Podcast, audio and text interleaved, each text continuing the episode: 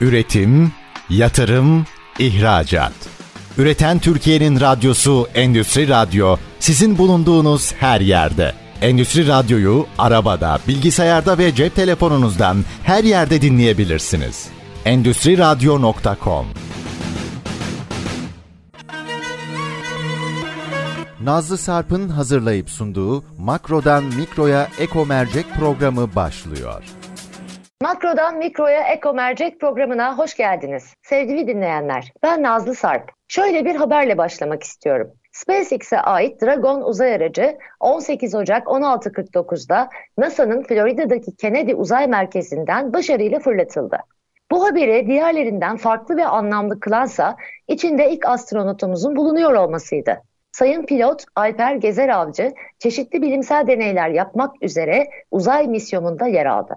Ardından Sanayi ve Teknoloji Bakanı Türkiye'nin uzay ekonomisi hedeflerini paylaştı. Peki neydi bu uzay ekonomisi dersek? Uydu iletişimi, yeryüzü gözlemi, navigasyon, fırlatma araçları ve uzayın keşfi gibi çeşitli alanları içeren büyüklüğü 600 milyar doları aşkın bir endüstriden söz etmiş oluyoruz. Ancak bir endüstri olmanın ötesinde aynı zamanda insanlığın geleceği açısından stratejik bir kalkınma vizyonu olarak da ele alınabilir. Tahmin edeceğiniz üzere uzay ekonomisi konusunu mercek altına alacağız. Bu defaki kıymetli konuğumuz ise COBİ'lerin koçu programlarıyla çok yakından tanıdığınız biri. Kendisi akademisyen olmanın yanı sıra Dünya Gazetesi'nde köşe yazarı, televizyonlardaki ekonomi programlarından da bildiğiniz Sayın Doçent Doktor Cüneyt Dirican. Hoş geldiniz efendim, nasılsınız? E, sağ ol sevgili Nazlı. Nazlı yılların hukuku kusura bakma o yüzden direkt Nazlı diye girdim. Nazlı Hanım çok teşekkür ediyorum. Herkese merhabalar. Sağlıklı günler. İnşallah hani keyifli, verimli, herkesi böyle hem düşündüren hem eğlendiren e, hani bir program olur diye ümit ediyorum. E, bu arada bu vesileyle Endüstri Radyo'da size de hayırlı olsun. Çok teşekkür ediyorum. Sağ olun sevgili Cüneyt. Dediğiniz gibi e, hukukumuz var. E, ancak diğer taraftan da sizin bu uzayla ilgili çalışmalarınız gerçekten yıllardır takip ettiğim için oldukça enteresan geliyordu.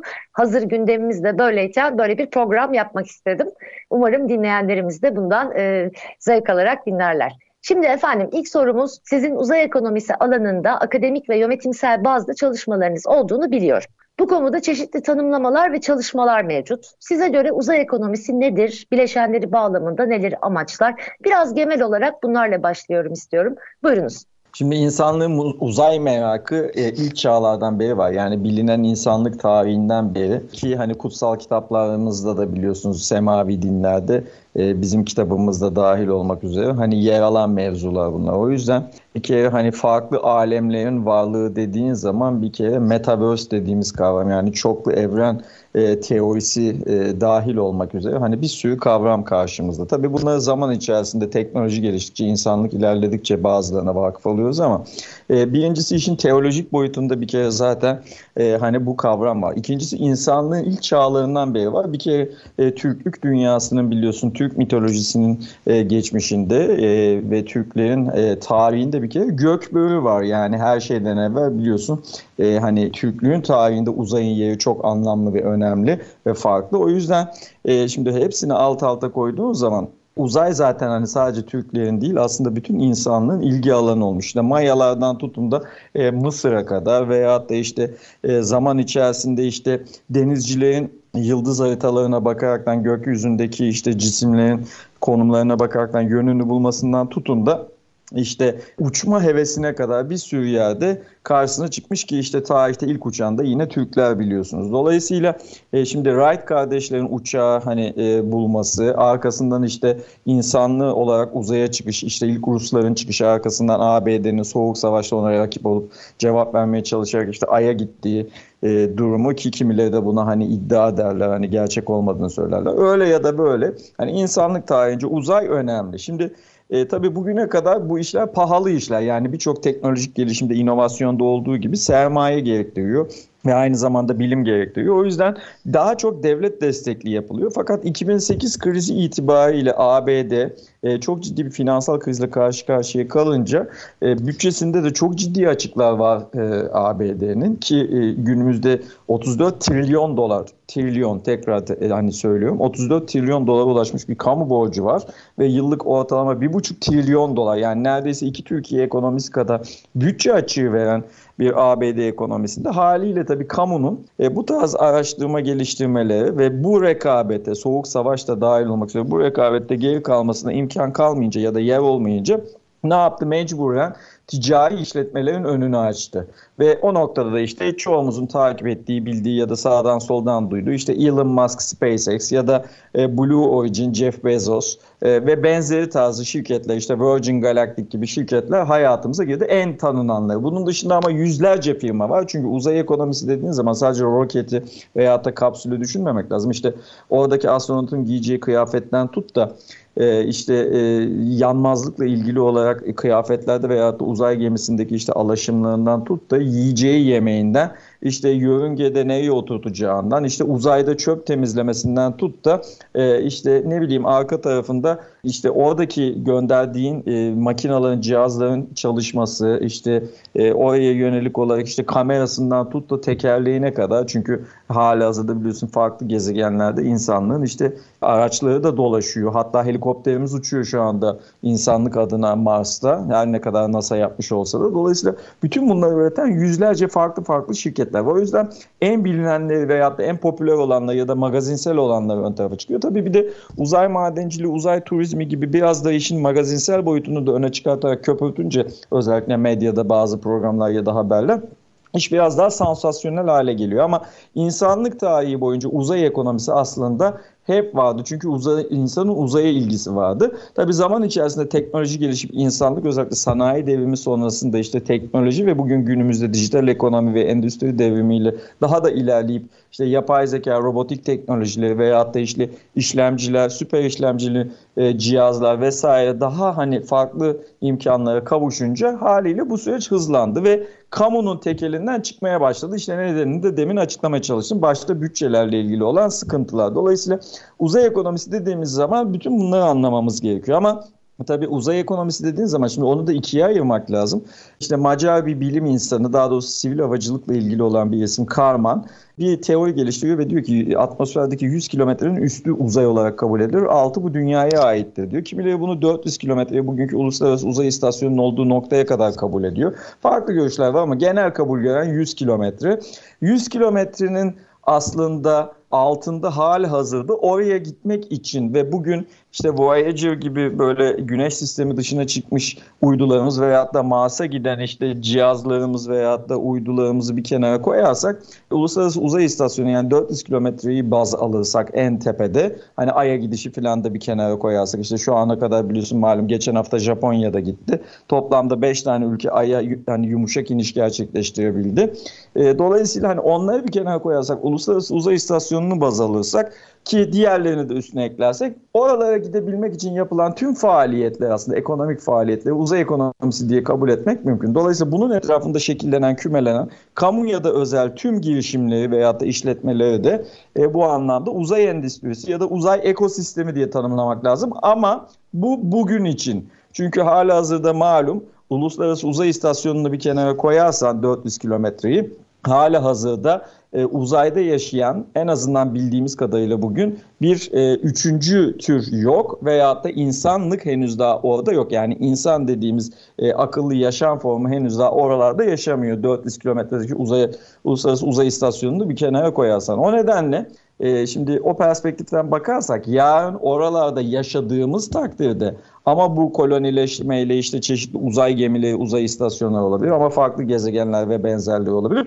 Ve hatta belki de insanlık bir gün eğer e, üçüncü türle yakınlaşmaları sağlarsa işte, işte meşhur e, Steven Spielberg'ün filmi yani uzaylılarla da temas kurar ve e işte bunların hepsi barışçıl olur da hani dünya üzerindeki sorunlar gibi savaşmaz da ticaret yapmaya başlarsak iş tabii farklı bir mecraya gidecek. O zaman da astroekonomiden bahsediyor olacağız. Yani astronomi ile ekonomi biliminin birleşiminden aynen astrobiyoloji, astrofizik veya da astronomi gibi bilim dallarını konuşuyor olacağız. Tabi burada hani sahte bilim, astroloji veya da ufoloji gibi kavramları birbiriyle karıştırmıyor olmamız lazım. Gerçek bilimler olarak baktığımızda işte iktisat biliminin kurallarını biz atmosferin üstünde yer çekimsiz ortamda farklı coğrafyalarda hani nasıl yaşayacağız veyahut da dizayn edeceğiz veyahut da nasıl tasarlayacağız göreceğiz e, uygulayacağız aslında bunları düşünüyorduk lazım. Tabii o zaman iş, e, bugünkü bildiğimiz bizim üniversitelerde okuttuğumuz işletme, iktisat veyahut da pazarlama, dış ticaret ve benzeri bir sürü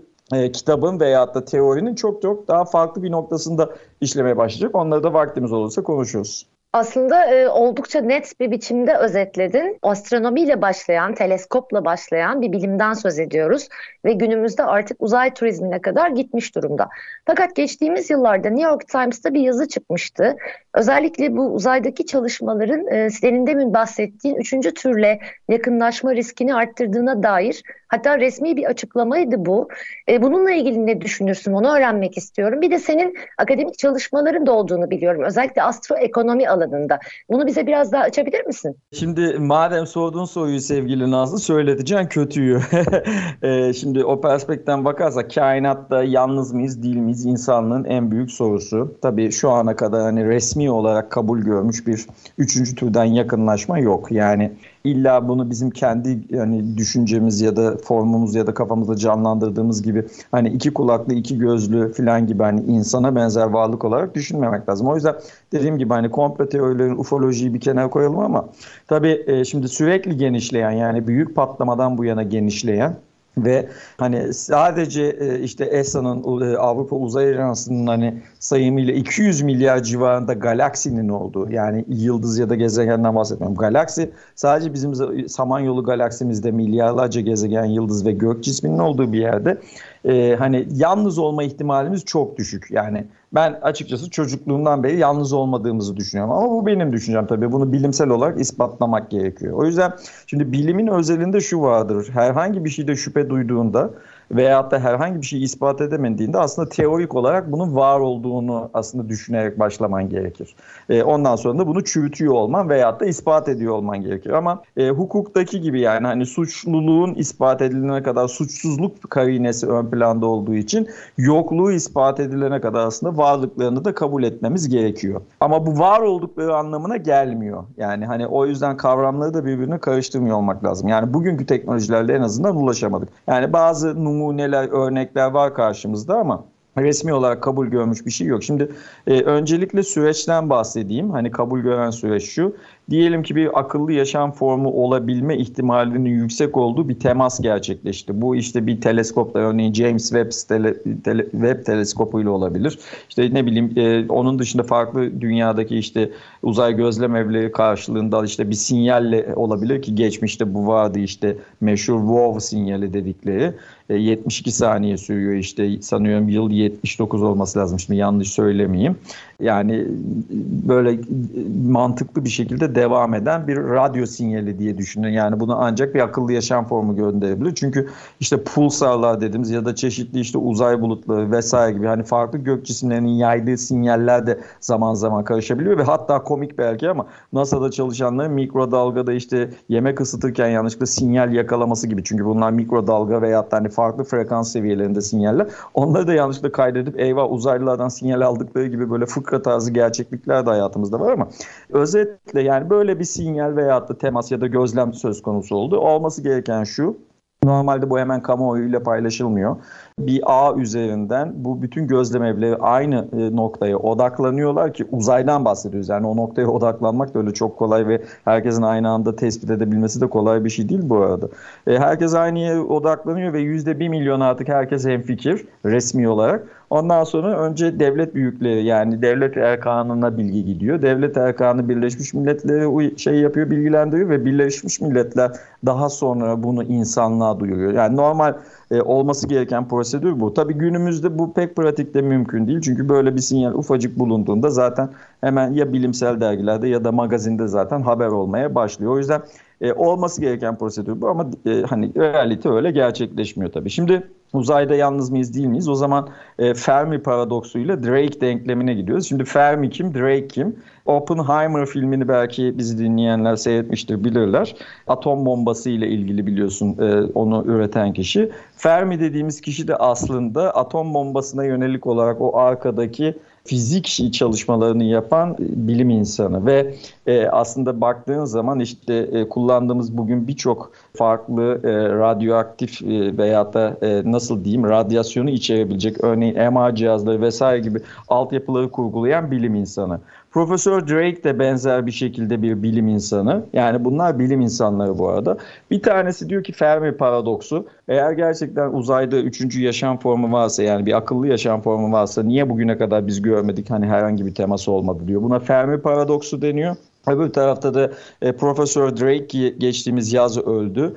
E, Drake de diyor ki sadece diyor bizim Samanyolu galaksimizde diyor 10 bin civarında akıllı yaşam formu olasılığı var diyor. Ona da meşhur Drake Equation dedikleri Drake denklemi deniyor. İşte olasılıkları çarparaktan e, sadece bizim Samanyolu galaksimizde 10 bin civarında yani 2000 ila 10 bin arasında akıllı yaşam formunun olabileceği farklı yani gezegenlerde ya da gök cisimlerinde olduğunu söylüyor. Şimdi iki ayrı uç e, 0 ve 1 arası. Şimdi olasılık sen de çok iyi bilirsin eski bir ekonometrist olarak. E, dolayısıyla ekonometri bilimine hakim olduğun için hani şöyle açıklamaya çalışayım sana. Olasılık biliyorsun 0 ile 1 arasında değişir. 1 dediğin zaman hani 1'e yaklaştığında olasılık çok yükselir yani vardır anlamına gelir. 0 zaten yok anlamına gelir. Dolayısıyla 0 nokta hani e, yanına istediğin kadar sıfır koyup sonuna bir attığın anda yani milyonda bir, milyarda bir, trilyonda bir olasılık bile desen sıfırdan büyük olduğu anda bu var olduğu anlamına gelir. İstatistiksel olarak kabul görür. Olasılık düşüktür ama vardır anlamına gelir. Dolayısıyla aslında o perspektiften istatistiki olarak baktığın zaman bile aslında hani var olma ihtimalleri yok olma ihtimallerinden çok daha büyük. Bilmiyorum katılır mısın? Elbette katılırım. Ee, zira aslında yaşamımız özellikle yer kürede tam anlamıyla olasılıklara göre şekilleniyor. Neden onun dışında da olmasın. Ancak tabii ki bunun e, kanıtlanması özellikle pozitif bilimlerde işte kanıtlanması şart. Henüz buna ilişkin bir bulgu elde edilebilmiş değil. Evet efendim şimdi bir reklam arası verelim ardından tekrar görüşmek üzere. Üretim, yatırım, ihracat. Üreten Türkiye'nin radyosu Endüstri Radyo sizin bulunduğunuz her yerde. Endüstri Radyo'yu arabada, bilgisayarda ve cep telefonunuzdan her yerde dinleyebilirsiniz. Endüstri Radyo.com Makrodan Mikro'ya Eko Mercek programına tekrar hoş geldiniz sevgili dinleyenler. Şimdi bir makaleden bir pasaj okuyacağım. İstikbal göklerdedir diyerek gök börü göründü. Dünyada ilk uçan insanın bu topraklardan aramızdan çıkması gibi bir milat oluştu. Yarın sert inişte olur, yumuşak inişte, kolomilerde. Neymiş? Roket bize ait değilmiş. Oymuş, buymuş filan. SİHA ve İHA'larda dünyada ilk üçte yer almamız da mı tesadüf? Birleşmiş Milletler kararlarına göre zaten ay ve uzaydaki gök cisimleri tüm insanlığa ait. Cüneyt Bey bu sizin Dünya Gazetesi'nde yayınlamış olduğunuz bir yazıdan e, çok hoş bir paragraf. Açıkçası ilk astronotumuz Sayın Alper Gezer Avcı'nın uzay misyonu, misyonu projesine dahil olması da bazı tartışmaları beraberinde getirdi. Bu paragrafta da sanki biraz bu konuya değinmişsiniz gibi neler söylemek istersiniz buyurunuz. Şimdi oraya geçeceğim ama şu e, e sevgili Nazlı e, teşekkür ediyorum bu arada. E, şimdi oraya geçmeden evvel şu Fermi ve Drake e, denklemini bir tamamlayalım öncelikle. Şimdi e, varlığa mı yokluğa mı? Tabii bunu zaman içerisinde ancak denk gelirsek yani bize de, tesadüfi denk gelirse ya da biz onlarla hani bir şekilde denk gelirsek söz konusu olacak ama e, şimdi Fermi paradoksu diyor ki varlığsa bugüne kadar niye görmedik ya da teması olmadı diyor. Tabii o kaçırılma olayları falan hani işin o komple teorilerini bir kenara geçelim çünkü bilimsel olarak hani ispat etmiş kabul görmüş bir şey değil ama iki husus var. Bir tanesi son ABD kongresinde biliyorsun ve Meksika kongresinde uzaylılığın ifşası ile ilgili yeminli ifadeler alındı. Hani olayı şöyle anlatayım. Bizim Türkiye Büyük Millet Meclisi'nde işte örneğin Alper Gezer Avcı sevgili dostumuzun işte Uluslararası Uzay İstasyonu'nda diyelim ki yani bu bir tabii ki kurgu şu anda tamamen hani böyle bir şey yok ama diyelim ki hani bir hani gözlemi söz konusu oldu ve bunu geldi Türkiye Büyük Millet Meclisi'nde yeminli ifadeyle vallahi billahi gördüm şeklinde bize anlatıyor. Hani bunu şimdi kopyala yapıştır. ABD Kongresi'nde biliyorsun geçtiğimiz dönemde yakın dönemde işte bundan bir 3-5 ay evvel 3 e, tane oradaki biliyorsun e, resmi görevlisi yani e, zamanında istihbarata çalışmış, FBI'ye çalışmış ve aynı zamanda işte Alper Gezer Avcı gibi eski bir hani deneyimli askeri pilotun ve e, benzer iki tane aslında pilotun e, yeminli ifadeleriyle biz vallahi ABD'nin elinde hani uzaylı cihazları olduğunu ve bunu tersine mühendislik kullandıkları şeklinde ifadeleri oldu. Benzer bir durum Meksika Kongresi'nde de oldu. Şimdi koy bir kenara hani sonuçta bu şu an için onların derdi gibi düşün. İleride belki bizim derdimiz de olabilir ama şimdi tersten baktığınız zaman Fermi paradoksu e, varlarsa bugüne kadar niye denk gelmedik? Orada da çeşitli teoriler var. Teorilerden bazıları şu. Şimdi zaman, izafiyet biliyorsun Einstein'ın izafiyet teorisi zaman göreceli. Yani uzay eğilip bükülebiliyor işte kütle ne kadar büyükse ki kara deliklerin oluşumunda da o prensip var zaten. E, haliyle kütle büyük olduğu için kendine doğru çekiyor. Kendine çektiği zaman bend ettiği zaman yani eğilip bükülmeye başladığında zamanı da eğip büküyor.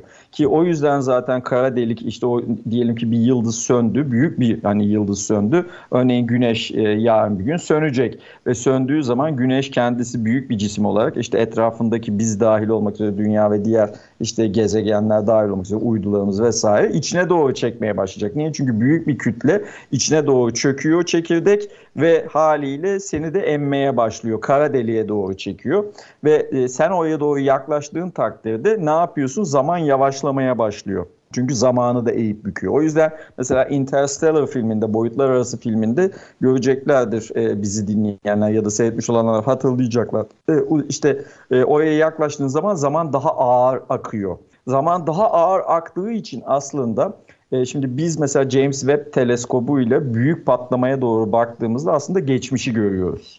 Dolayısıyla oradan bize baktığı zaman da onlar da bizim geçmişimizi görüyorlar. Yani şu anda örneğin uzayda bizi izleyen birileri varsa çok yüksek teknolojiler yani en azından bizim tasavvur edebileceğimiz yükseklikte bir teknoloji yoksa bizim gibi diyelim ki James Webb Webb teleskobu gibi bir şeyle bize doğru bakıyorsa dünyayı ve bizi fark ettiler. Aslında dinozorları görüyorlar büyük olasılıkla. Dolayısıyla şimdi e, bizi göremiyor olabilirler. Sinyallerimizi karşılıklı henüz daha fark etmemiş olabiliriz fark etmiş olabilirler ama örneği şöyle vereyim size. Örneğin bir karınca yuvası çok ilginizi hani çeker mi ya da karıncalarla temas etmek ister misiniz insan olarak? Yani bir karıncayla hani e, konuşmayı hiç düşündünüz mü bugüne kadar ya da ona bir sinyal gönderip de hani temas etmeye göre hani çalıştınız mı? Sadece ne yaptınız? Uzaktan gözlemlediniz. Aa ne güzel ekmek kırıntısını alıyor yuvasına götürüyor. Bak değil mi? Şimdi bizi bu formatta görüyor olabilirler.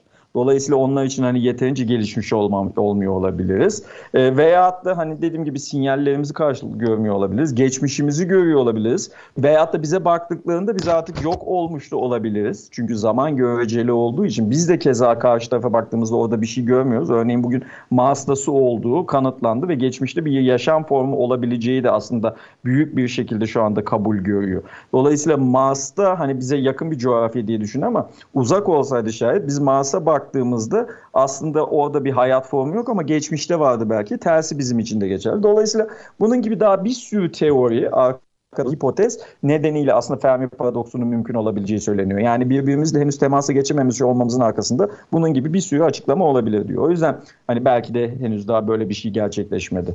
Belki de gerçekleşecek. Yani yarın da olabilir. Hiç de olmayabilir. Yani onu işte zaman gösterecek. Ama zamanda dediğim gibi izafiye. Şimdi Oradan e, bizim tarafa geçersek, e, şimdi bu uzay çalışmalarında yer almak gerekiyor sevgili Nazlı. Çünkü örnek mesela e, sabah kahvaltısında bizi dinleyenler veyahut da yemeğini şu anda ocağa koyup da teflonda yemek yapanlar aslında şunu bilmesi gerekiyor. O teflon işte atmosfere belli bir açıyla girmen gerekiyor yoksa gemi yanıyor ve patlıyor işte o sürtünme katsayısını azaltıp kıvılcım çıkması ve yanma, tutuşma, patlama ihtimalini ortadan kaldırmak için sürtünmezli yani e, bir şekilde o ısıyı emebilecek bir malzeme geliştirilmesi gerekiyor ve DuPont firmasının patentli buluşu işte teflon.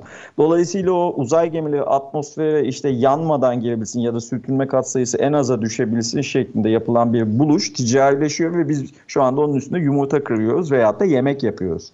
Veyahut da GPS sistemleri, yörünge sistemleri sistemleri bugün arabamızla işte navigasyon yapıp da işte sokağı bulmamıza yardımcı oluyor.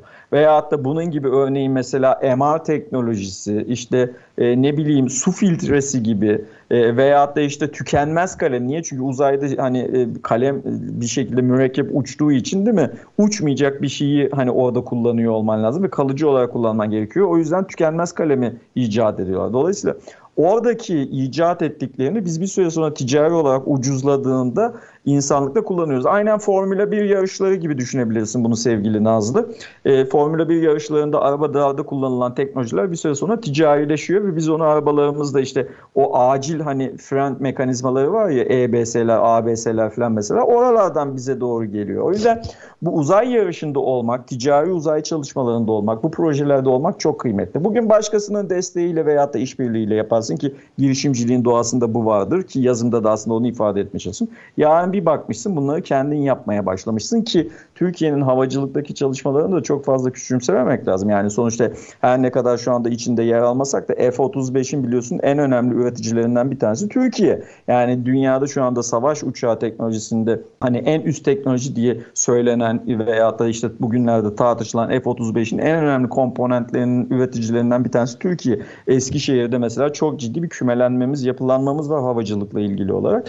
E, e, SİHA'lar, İHA'lar zaten malum. O yüzden hani e, bugün bir bakmışsın hani bunlar işbirliğiyle yapılırken bir bakmışsın yakın dönemde 3 gün sonra kendi kendimize işte sert inişi de yapıyoruz. E, bir bakmışsın işte e, hani yumuşak inişi de yapıyoruz. Hatta bir bakmışsın kendi uzay istasyonumuzu da kurmuş olabiliriz. Tabi bugün için bunlar böyle çok basit şeyler değil. Çünkü e, bunlar dediğim gibi hani yüksek teknoloji veyahut da hani mühendislik başta gerektiren konular ama e, mantalitenin yani düşünce sistematiğinin orada olması açısından çok kıymetli bir önemli. O yüzden hani roket şu kadarmış yok bize ait değilmiş işte o paraya başka şey yaparmışız falan. Yani bence bunlar çok boş tartışmalar diye düşünüyorum. O yüzden oralarda olmamız lazım diye düşünüyorum. Ee, aslında bunlar çok sofistike bir biçimde ele alınıyor ama baktığımızda roket dediğimiz şey bir ulaşım aracı. Önemli olan e, bir astronotumuzun böyle bir e, uzay misyonuna dahil olması ve burada çeşitli bilimsel araştırmalar yapıyor olması bir de bizim ülkemizin bir özelliği vardır. Bazı şeylere geç başlarız ancak ilerlememiz hızlı bir şekilde gerçekleşir. Diğer taraftan uzay bilimiyle ilgili önceki söylediklerin aslında hem e, boyut ve hem zaman bakımından o kadar e, farklı bir e, durumda ki şu anda mevzu. Bunu en iyi belki bugüne kadar izafiyet teorisi açıklamış durumda. Ancak henüz e, böyle bir komünikasyonun sağlanması için yeterli bir teknolojik ilerleme gerçekleşmiş değil. Dolayısıyla bunlar e, sadece şu anda bir tartışma konusu olarak kalmaya devam ediyor. Ancak gerçekten bilgilendirici bir açıklama yaptığını düşünüyorum. Şimdi izninizle tekrar bir reklam arası diyoruz. Ardından son bölümde görüşmek üzere sevgili dinleyenler. Üretim, yatırım, ihracat. Üreten Türkiye'nin radyosu Endüstri Radyo sizin bulunduğunuz her yerde. Endüstri Radyo'yu arabada, bilgisayarda ve cep telefonunuzdan her yerde dinleyebilirsiniz. Endüstri Radyo.com Makrodan Mikro'ya Eko Mercek programına tekrar hoş geldiniz sevgili dinleyenler. Evet son bölümde devam ediyoruz. Bu defa e, Cüneyt Hocam aslında biraz küresel jeopolitiğe de girelim isterseniz. Küresel jeopolitiğin soğuk savaş sonrası ABD etrafında tek kutuplu olarak şekillenmesi ciddi manada kırılmalar yarattı. Bu kırılmaları dünya siyasetindeki karmaşa ve sıcak savaşlardan ekonomideki paylaşım dengesizliğine kadar geniş bir bantta izliyoruz. Bu bağlamda uzay çalışmalarında ortak bir insanlık bilinci oluşması için müsait bir ortam olduğunu düşünür müsünüz? Bu alanda neler yapılırsa ya da yapılmazsa dünyanın şimdiki düzeninden farklı bir alana ulaşılmış olur. Örneğin uzayda dolar ekonomisi benzeri bir durum oluşmaması için nasıl bir ödeme aracı kullanılmalı ya da ödeme aracı kullanılmalı mı? Özellikle bu konudaki görüşlerinizi merak ediyorum. Buyurunuz lütfen. Şimdi sevgili Nazlı, tabii çok derin konular. Ee, insanlık ortak paydası veyahut da çalışması veyahut da insanlığın ortak aslında değeri. Birleşmiş Milletler 1967 uzayı e, tüm insanlığa ait olarak kabul ediyor ve e, gök cisimler ve uzaydaki hani her türlü aslında bu anlamdaki işte gezegen veyahut da çalışma insanlığa mal olmuş ya da olmalı olarak sayılıyor. Fakat E, sonra bir ay anlaşması var. Yine Birleşmiş Milletler'de kabul gören. Sonra bir sürü anlaşma var ama ay anlaşmasında mesela Türkiye'nin imzası var. Ayda da benzer şekilde yapılacak tüm faaliyetler tüm insanlığa aittir şeklinde biz altına imza koymuşuz ama örneğin mesela Amerika Birleşik Devletleri ay anlaşmasına imza atmayan ülkelerden bir tanesi. Bu ne demek? Ay'a gidip de yerleştiğinde ki ayda da biliyorsun hani su bulundu. Yani benim çocukluğumda ayda su var dediğinde deli diye hani e, muamele görüyordun. Şu anda ayda su resmi olarak hani kabul görüyor biliyorsun. E, dolayısıyla ayda yapılacak tüm bu anlamdaki kamu ya da özel faaliyetler bu anlaşmaya taraf olmadığın için seni bağlamıyor. Keza e, aslında bu Birleşmiş Milletler'deki hani kararlığın e, hepsi devletlere bağlıyor. Dolayısıyla ticari uzay dediğimiz ya da e, uzay ekonomisi dediğimiz işte o uzay endüstrisi ya da uzay ekosisteminde şirketlerin aslında ileride bağımsızca ve fütursuzca hareket edebilmesi olasılığı ya da riski aslında e, bir taraftan hani bir fırsat barındırırken bir taraftan da bir tehdit oluşturuyor. O yüzden e, aslında ticari uzay çalışmalarından da uzak kalmamak gerekiyor. Çünkü e, bilim kurgu filmini sevenler mesela Elysium filmini, Matt Damon'ı hani e, seyredebilirler. Marslı'yı kastetmiyorum. Elysium filmi. E, günümüz gerçeklerini de bence çok hani bilim kurgu olarak hani ileriye taşımış bir filmdir. Uzay çalışmalarında geriye düştüğün zaman aslında 100 yılı ıskalıyorsun. Dolayısıyla e, 2021 e, yılında o 21 Aralık'ta işte kur korumalı mevduat çıktıktan sonra 24 Aralık'ta akademisyenler ve ekonomistlerle toplantıda işte ben de davetliydim sağ olsunlar. Ve e, söz aldığımda toplantıda e, Sayın Cumhurbaşkanı dahil olmak üzere devlet erkanına ve oradaki hazuruna söylediğim en önemli bence e, söylemlerden bir tanesiydi. Yani hatırlatmalardan bir tanesiydi. Yani e, konu ve gündem şu anda burada çok farklı olabilir ama bu yüzyılı ıskalamamamız lazım. Endüstri devriminin ve uzay hani ticari uzayın, uzay ekonomisinin gerisinde kalmamamız lazım orayı da hani e, mutlaka hani göz önünde bulundurmamız ve faaliyetlerimizi sürdürmemiz gerekiyor diye düşünüyorum demiştim. Sağ olsunlar. Hani e, bence bu çalışma o yüzden çok kıymetli. Yani şu anda Uluslararası Uzay İstasyonu'na ilk defa bir TÜRKONOT'un gidiyor olması bence o yüzden çok kıymetli. Yani e, bütün dünyanın içindeki o başta enflasyon, küresel enflasyon sıkıntısı olmak üzere ki bizim de bir deprem gerçeğimiz var malum. E, geçtiğimiz yılın başında e, yine tekrardan kendini bize hatırlatan büyük kayıplarla. Bütün bunlara rağmen mesela bu tarafı da yani bu sayfayı da kapatmadık. Tam tersine açmaya devam ediyoruz. O yüzden çok kıymetli bence bu çalışmalar. Yani bütün bu e, insanlık adına yaşanan gelişmelerin gerisinde kalmıyor olmak lazım özetle Nazlı. O yüzden kıymetli.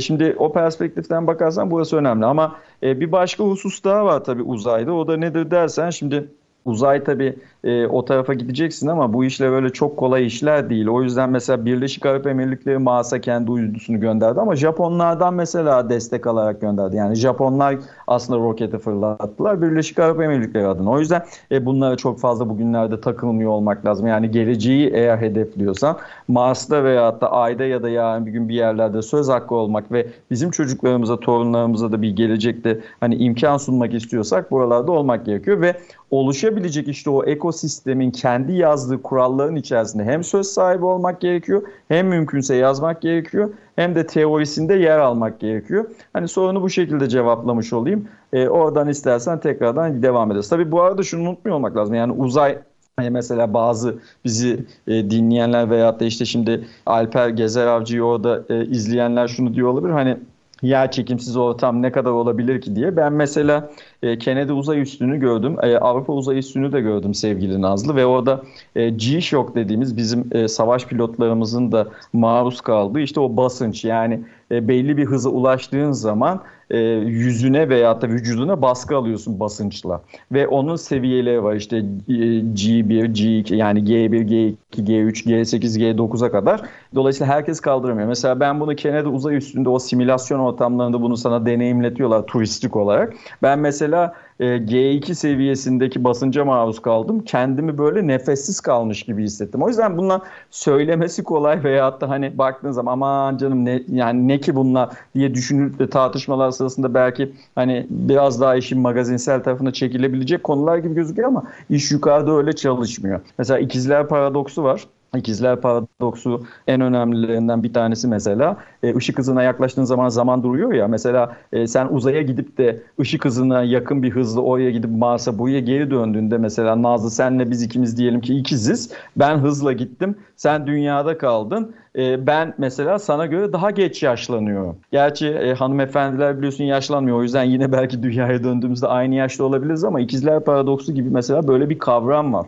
E, onun dışında mesela zaman eğilip bükülüyor demiştik hatırlarsan. Zamanda geriye yolculuk şu ana kadar teorik olarak pek kabul görmese de ileriye yönelik daha çok mümkün olduğu düşünülse de mesela onunla ilgili de paradokslar var. O yüzden e, hani e, çoklu hani evren teorileri vesairesi e, o solucan deliklerinden geçişler falan dediğin zaman yani olay bambaşka bir mecraya gidiyor. En önemlisi zamanın eğilip bükülebildiği bir yerde mesela faiz yok. Çünkü faiz formülünün içerisinde sen de çok iyi bilirsin sevgili Nazlı. Yani yatırım projelerinde veya da kredi değerlemelerinden hani eski bankacılık dönemlerinden hatırlarsın.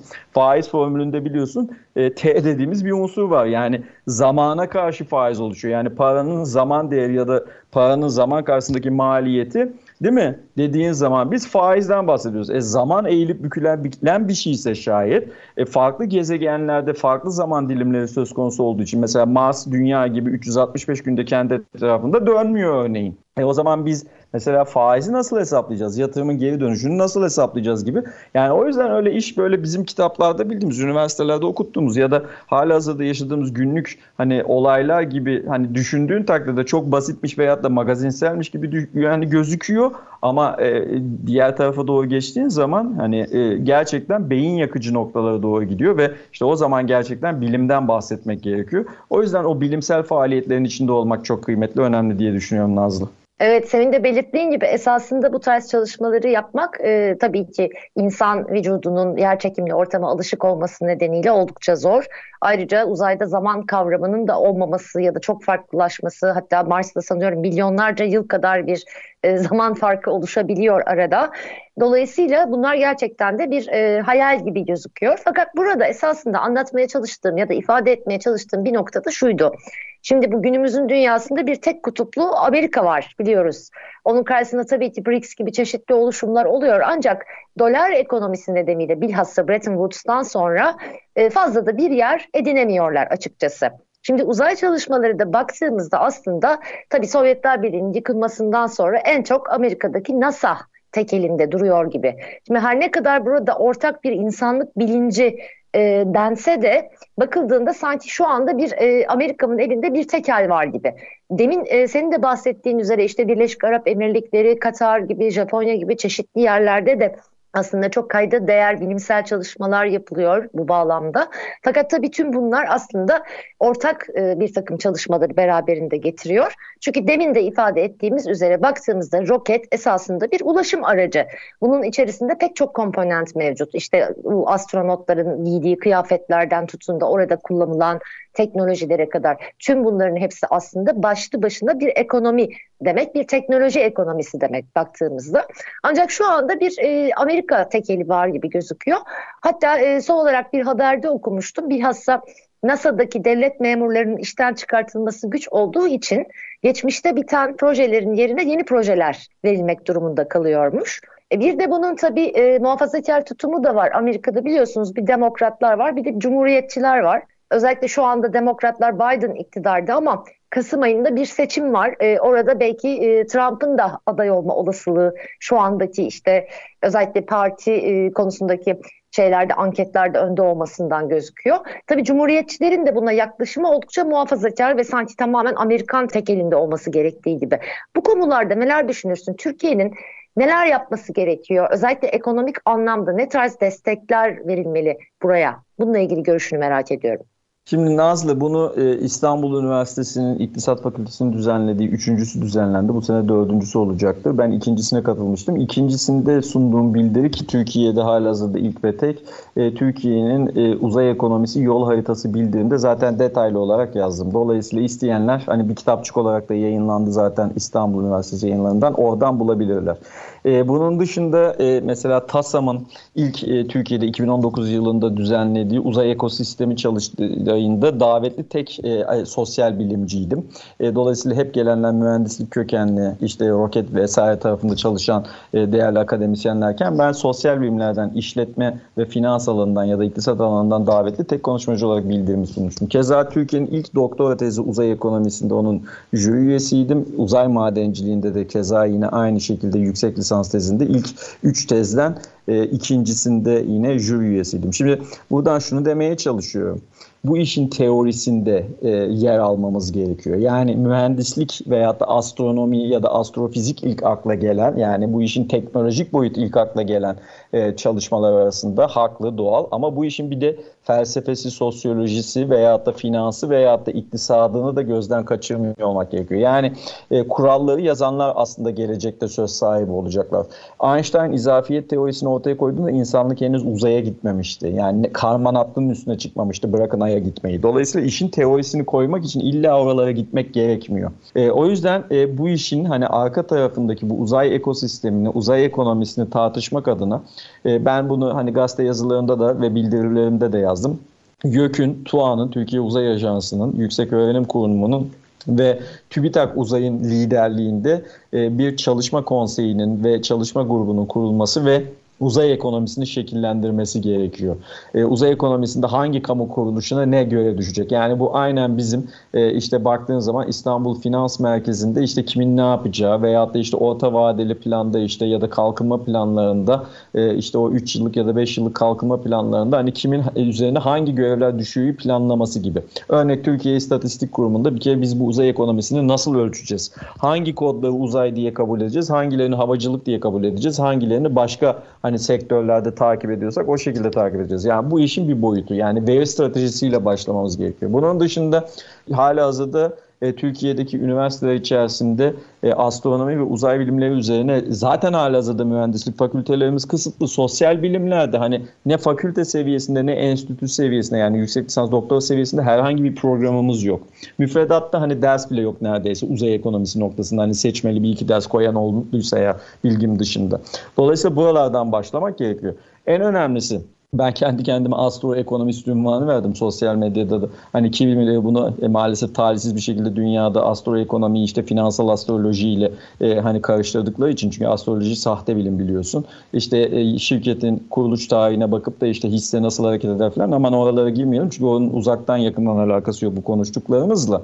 E, şimdi e, astro ekonomi diye bir kavram dünyada da bu talihsizliği hani çarpmışken bizim aslında bunları nasıl hani doğru bir şekilde hem ticarileştireceğiz hem günlük yaşamımızı hem eğitim sistemimizi hem diğer çalışmalarımızı adapte edeceğiz. Bunları tartışıyor olmamız lazım. E, dolayısıyla ben kendi kendime astroekonomist ünvanı verdim.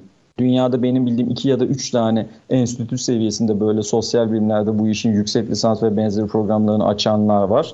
E, dolayısıyla bizim de mesela bu anlamda liderlik yapıyor olmamız lazım. Nasıl kutup çalışmalarımız var ki kutup çalışmaları da malum uzay çalışmalarını da desteklemek amacıyla zaten aslında e, bir perspektiften baktığın zaman bunları bir an evvel hayata geçirmemiz gerekiyor. Yani bu işin teorisinde olmamız gerekiyor sevgili Nazlı. Hani sorunun cevabı o. Çünkü teorisinde yoksan pratiğinde de yoksan zaten hiçbir yerinde yoksun demek. Şimdi pratiğine yavaş yavaş girmeye başladık. Teorisine de aynı hızla girebiliyor olmamız lazım ki ileride söz söyleme veyahut da bir şeyleri talep etme veya da dikte ettirme şansımız olsun. O yüzden hani uzayda o para birimi mi olur, ABD mi olur, dolar mı olur? Hani e, şöyle bir şansımız var. Hani orasını kimse bilemez ama tabii e, bazı ülkeler veyahut da şirketler bu işte tabii daha önde geliyor.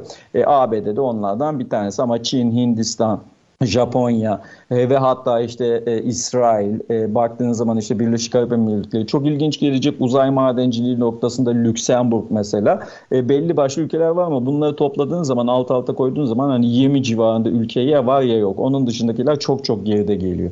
E, şimdi o perspektiften bakarsan Hani ileride hangisi olur kim olur bilmiyorum ama bir şansınız şu uzay enflasyonist. Ee, yani uzayda enflasyon kaçınılmaz çünkü evren genişlemeye devam ediyor. Yani uzay büyümeye, e, sınırlarını genişletmeye devam ediyor. O yüzden herkese yetecek kadar pasta var. Zaten uzay ekonomisi ya da ileride astroekonomi yani atmosferin üst tarafını kapsayan kısımdaki iktisat çalışmaları için astroekonomi eğer bir gün insanlık kabul ederse astroekonomi için şansımız şu. Herkese yetebilecek kadar gezegen galaksi var. E, dolayısıyla hani büyük olasılıkla madenler de var. E, kimin tabii daha hızlı gideceği, önce gidebileceği, daha yüksek teknolojiye sahip olması. Aslında orada rekabet daha çok bence tartışmalı alanlardan bir tanesi ama yoksa herkese yetecek kadar yer var. Zaten iktisat biliminin de amacı ve anlamı o değil mi ya da tanımı o değil mi? Limitli kaynakları bu dünya üzerindeki kısıtlı kaynakları optimum bir şekilde tüm insanlığa eşit dağıtacak şekilde, refaha ulaştıracak şekilde kullan ya da dağıt. E işte uzaya gitme nedeni de o insanın. Sadece merak değil ki yani orada yaşam var mı? İşte orada yaşayabilir miyiz falan değil ki olay. Yani aynı zamanda bu kısıtlı kaynakları orada daha geniş imkanlarla hani refahımız için gelecek kuşaklara aktarabilir miyiz düşüncesi. O yüzden e, bu çalışmalarda olmak bence çok, çok kıymetli diye düşünüyorum. E, bundan geri kalmamak gerekiyor diye düşünüyorum ama e, bu iş sadece bir daha altını çizmek istiyorum. Mühendislikte de teknoloji olayı değil aynı zamanda fikirsel bir olay. Dolayısıyla sosyal bilimlerde de en az o kadar tartışmalı, konuşmalı ve çalışmalıyız diye düşünüyorum. Evet gayet ayrıntılı bir biçimde özetledin. Açıkçası kapitalist ekonomi düzenindeki kıt kaynaklar varsayımından ziyade finans teorisindeki gibi e, paranın gelecek değerinin geçmiştekinden daha yani bugünkü değerinden daha yüksek olduğu bilincimi de vurgulamış oldun. Bu da çok önemliydi. Uzayda enflasyon olacaktır derken baktığımızda. Yani anladığım kadarıyla burada tabii ki e, sadece teori olarak mühendislik bağlamında, pozitif bilim bağlamında bir takım akademik bölümler var, çalışmalar var. Ancak buna ilave olarak sosyal bilimler alanında da bir strüktürün, bir informatiğin e, oluşturulması gerektiğini vurguluyorsun ki gerçekten bu çok önemli ve faydalı olur. Çünkü bazı şeyleri önceden görebilmek, önceden yakalayabilmek esasında onun teorisini keşfetmekten geçer. Bugün günümüzde işte Einstein'ın izafiyet teorisi uzaya gidilmeden çok önce bulunmuş bir teori.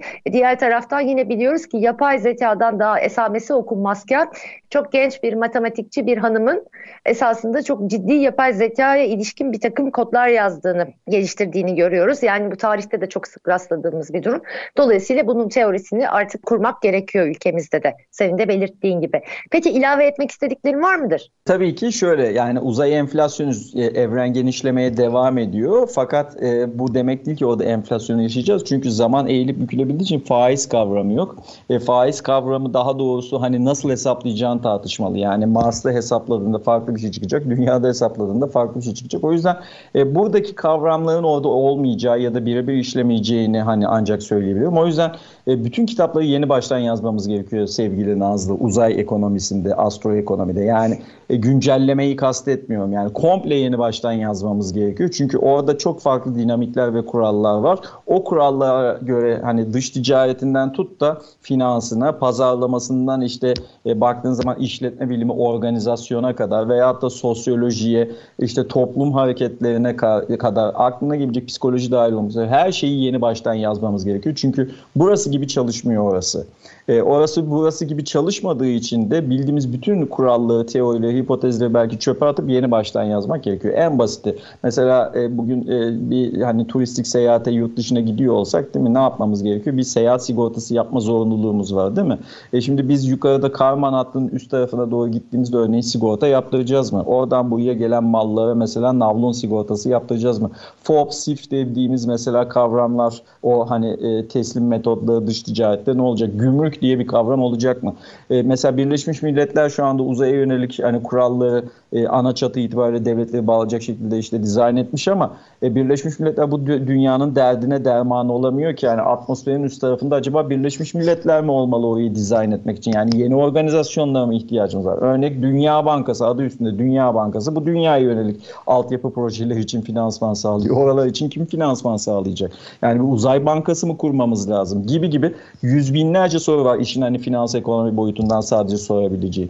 Kolonileri mesela eyalet diye mi kabul edeceksin? Yarın bir gün bir koloni mesela şu anda ABD'de işte Teksas'ta biliyorsun eyaletler arasında çatışma var merkezi hükümetle. E, yarın bir gün oradaki koloniler mesela eyalet olarak kabul gördü işte Teksas gibi hani e, ben kabul etmiyorum senin dünyada aldığın kararları Birleşmiş Milletleri tanımıyorum derse ne yapacaksın gibi uluslararası ilişkilerden tut da işte sosyolojiye kadar yüzlerce hani sormamız e, ve hani çözmemiz gereken başlıklar. O yüzden aslında yepyeni kitapları yazmamız gerekiyor. Yepyeni bir dünya, daha doğrusu tabii dünya derken orada mecazi anlamda kullanıyorum. Yepyeni bir dünya karşımıza çıkıyor sevgili Nazlı diyeyim. İstersen orada bırakalım.